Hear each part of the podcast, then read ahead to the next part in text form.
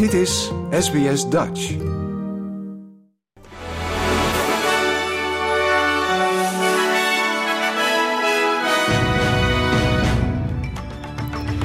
Dit is de SBS Nieuwsflits van woensdag 16 augustus. Mijn naam is Paulien Roesink. Premier Anthony Albanese vergadert vandaag in Brisbane met alle staatspremiers en territoriumleiders over de huizencrisis. Eerder werd het Housing Australia Future Fund van de Labour-regering geblokkeerd in de Senaat door de coalitie en de Groenen. Het fonds ter waarde van 10 miljard dollar zou in de eerste vijf jaar 30.000 sociale en betaalbare woningen bieden. Maar de Groenen wilden in ruil daarvoor hun steun een bevriezing van de huurprijzen. Nieuw videobewijs suggereert dat vallende hoogspanningslijnen mogelijk een van de oorzaken is van de dodelijkste bosbranden in meer dan een eeuw op het Hawaïaanse eiland Maui. Huizen en bedrijven werden verwoest en tot dusver zijn er 99 doden geteld, maar er zijn ook nog tientallen vermisten. Hawaiian Electric Company krijgt veel kritiek, omdat er gewaarschuwd was voor harde wind. En toch schakelt het bedrijf de stroom niet uit, ook niet toen de eerste palen omvielen.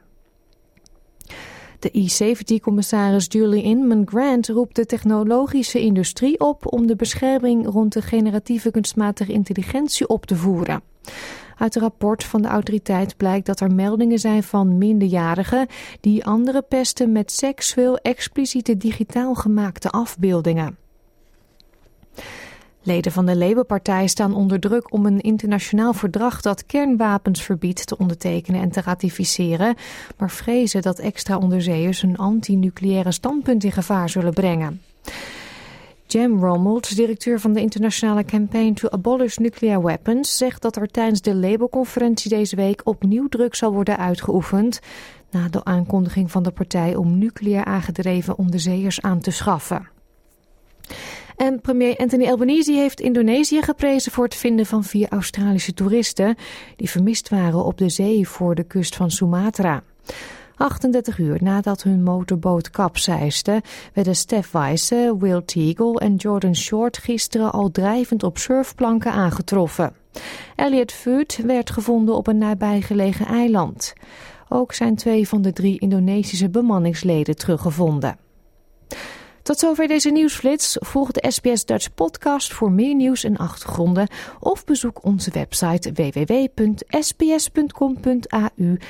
Dutch.